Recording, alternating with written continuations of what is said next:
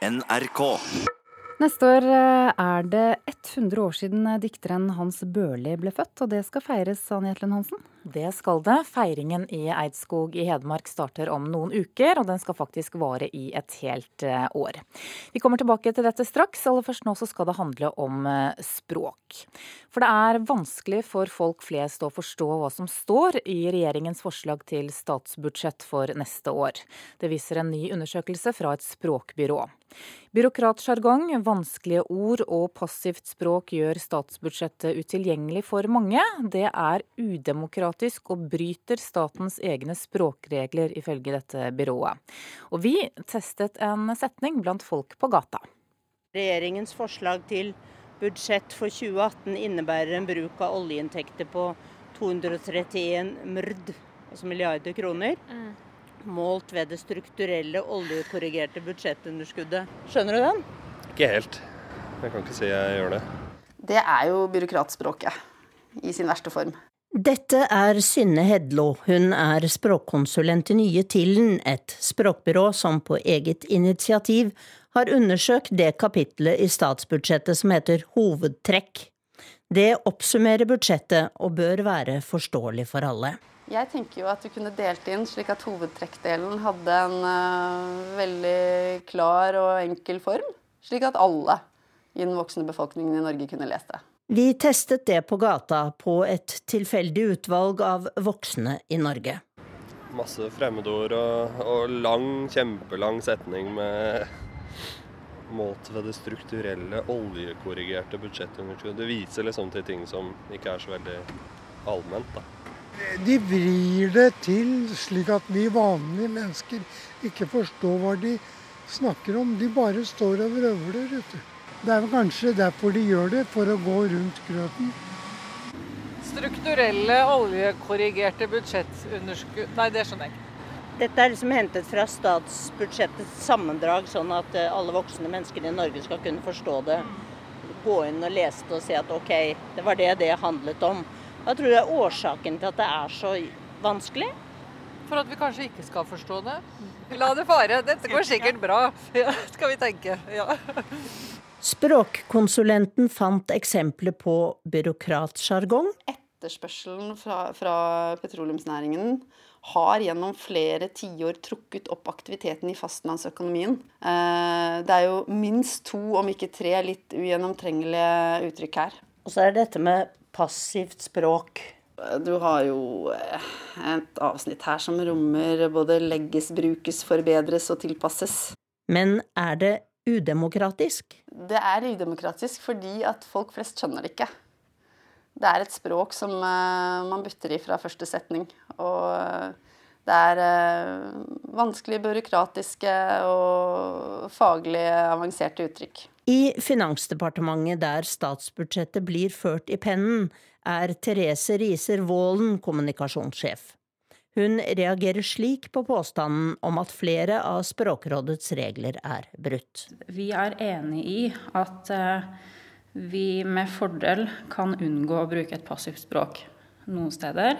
Det er det fullt mulig å likevel ivareta de kravene som er til presisjon i språket. Dette er jo først og fremst et stortingsdokument.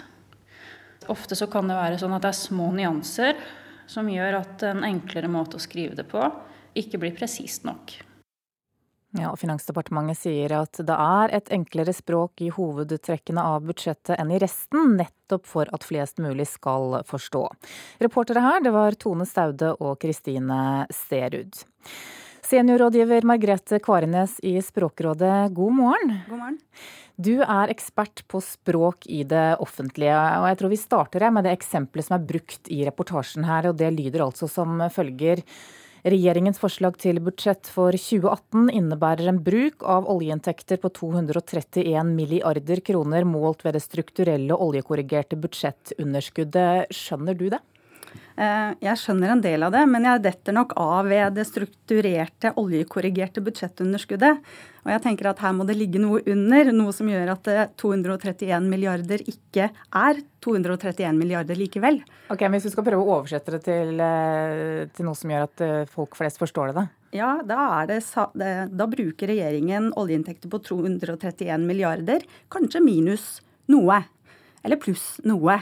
Eh, og Grunnen til at jeg faller av, er jo at de har brukt et faguttrykk som de ikke har forklart. Mm. Du, hvis vi skal si litt mer generelt da når det gjelder denne budsjetteksten, hvilke språkfeil er det departementet gjør? Ja, jeg har lyst til å nyansere litt, for denne budsjetteksten jo, den har jo mange målgrupper, og den har mange formål. Finansdepartementet sa jo her at det er et stortingsdokument. Eh, men det er også, og det er et politisk innsalg, ikke sant. Men det er jo også informasjon til deg og meg om hvordan eh, våre skattepenger skal brukes. Eh, og det gjør det til en vanskelig tekst å, bruke, å, skrive. Så jeg vil ikke si at det er snakk om direkte språkfeil, men det er et kommunikasjonsspørsmål. Hva skal teksten gjøre, og hvem skal lese den? Det er en vanskelig tekst å, å skrive. Så faguttrykket er ett problem i denne teksten.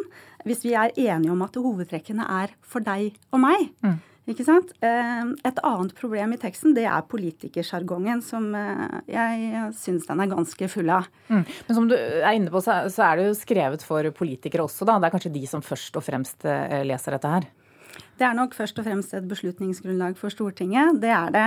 Men det er også eh, eh, Finansdepartementet må ta inn over seg at denne teksten kommer til å bli brukt i veldig mange andre dokumenter. Den brukes av journalister, folk har dårlig tid, de klipper og limer.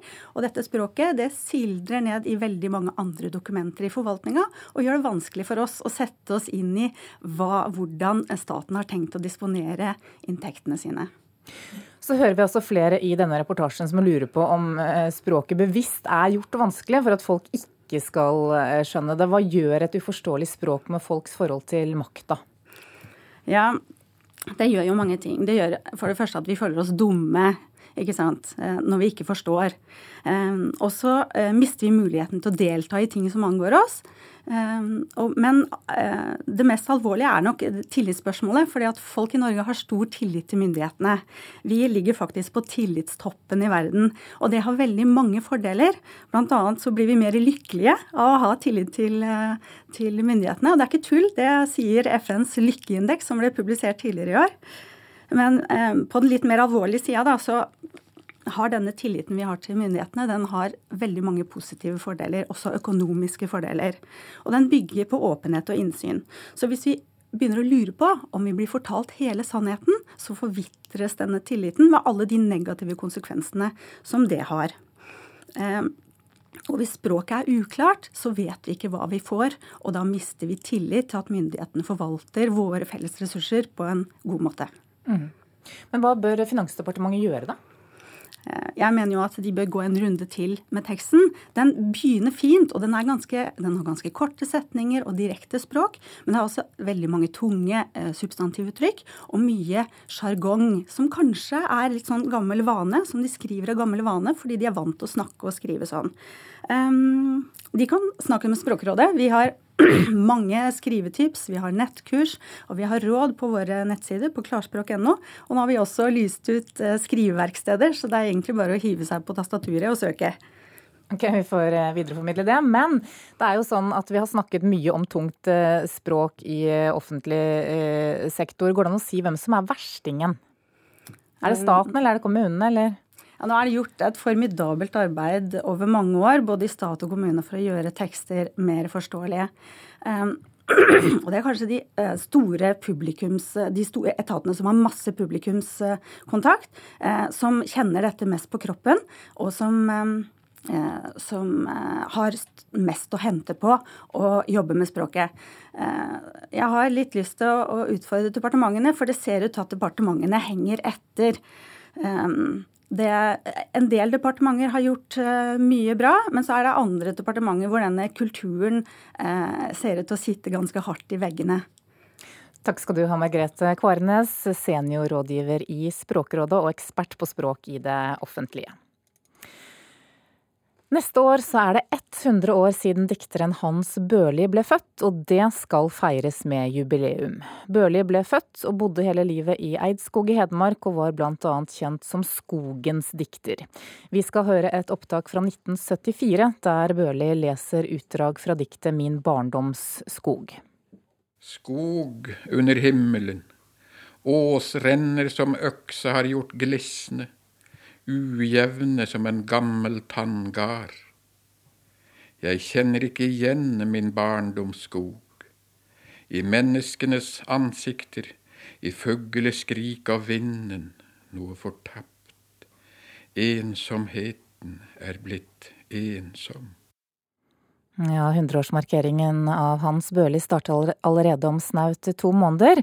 Ved hjelp av sponsormidler og tilskudd så skal Eidskog kommune bruke om lag åtte millioner kroner på feiringen.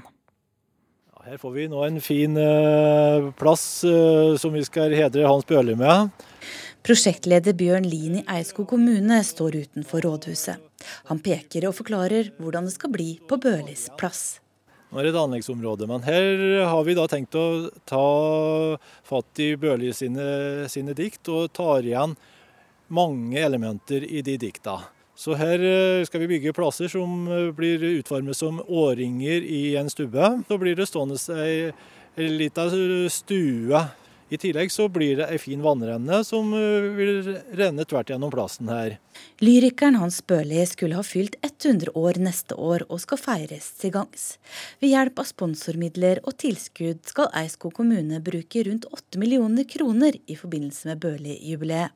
Hans Børli er en dikter som fortjener å hedres eh, i jubileumsåret. Så åtte millioner er mye, men vi kommer til å få veldig mye tilbake for de åtte millionene. Vi skal hedre og aktualisere Hans Børli, som vi syns han fortjener i aller høyeste grad. Det sier ordfører Camilla Tue. Og så bruker ikke Eidskog kommune åtte millioner. Vi har med gode samarbeidspartnere. Først og fremst familien til Børli, Børli-selskapet, men også sponsorer som eh, Sparebanken Hedmark eh, og fylkeskommunen og Fylkesmannen. De har vært viktige. og Vi er også på utkikk etter andre sponsorer. Hans Børli bodde hele livet sitt i Eiskog. Han ga ut 21 diktsamlinger og seks prosabøker, og ble med det en folkekjær forfatter. Og vi skal eh, få satt Hans Børli på kartet enda mer enn det han er. Han er kjent og veldig mange som er glad i Hans Børli. Men vi håper at vi skal nå ut til flere og nye grupper. Ehm, og det mener vi at eh, Børli er mer aktuell enn noensinne. Les f.eks. diktet 'Amerika', og la deg forundre over at det kunne bli skrevet i 1973. Og det er bare ett eksempel på mange på at Børli fortjener å bli lest og satt pris på enda flere enn i dag. Det er en stund til Bøhles plass står klar like ved rådhuset, og den offisielle åpningen skal ikke være før 26.8 til neste år. Jeg tror det blir kjempefint. Dette blir koselig å vise Eidskogs innbyggere. Det blir eh, en kjempefin plass som vi kan møtes på. Reporter var Ann Kristin Moe. Den norske filmen 'Skyggenes dal' høstet gode kritikker da den ble vist på den store filmfestivalen i Toronto for snart en måned siden. I morgen er det klart for norgespremieren, og vår filmkritiker Birger Vestmo lar seg også imponere av regissør Jonas Matsov Gulbrandsens spillefilmdebut.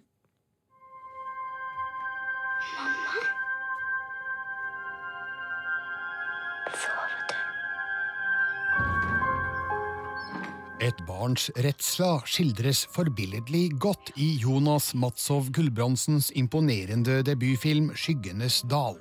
Det her er et dunkelt drama med en mørk estetikk, et drømmende uttrykk og en god barnerolle.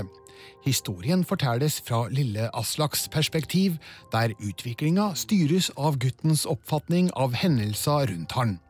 'Skyggenes dal' er en stilsikker og sørgmodig film med vare og foruroligende stemninger, fanga inn med nydelig foto og atmosfærisk lydlegging. Den er aller best når skogen er på sitt dypeste, og når den formidler barndommens mørker nyanser.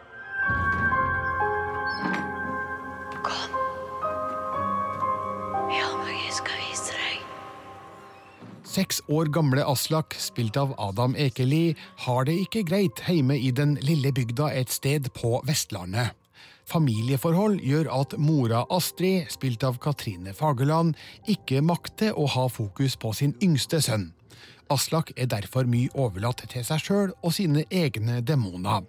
Det er nemlig noe i naturen utafor som dreper sauer for moro skyld, og Aslak ser for seg at det dreier seg om et monster, kanskje en varulv. Når hunden hans forsvinner, går Aslak ut i den tjukke, svarte skogen på egen hånd for å finne han. Alt som en reaksjon på en hendelse i familien som han ikke helt forstår omfanget og rekkevidden av. Det var en varulv som spiste sauene.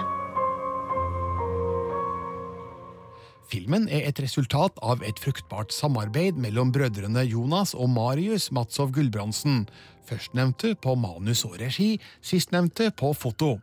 Bildene er like vakre som de er foruroligende, der naturen er en visuell parallell til historiens mørke tematikk. Her er det flere imponerende tablåer med bitte små figurer i massiv skog. Adam Ekeli er et funn i den bærende hovedrollen. Han er åpenbart instruert godt, men må òg ha et talent for naturlig og beherska skuespill, der store og vonde følelser formidles med lysende ansiktsuttrykk og resignert kroppsspråk. Det blir snart fullmåne igjen. Ta og gå inn i skogen.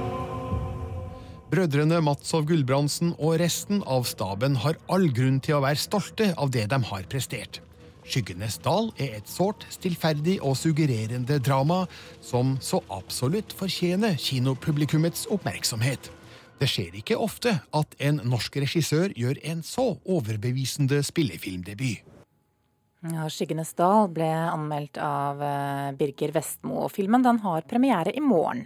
Du har hørt en podkast fra NRK P2.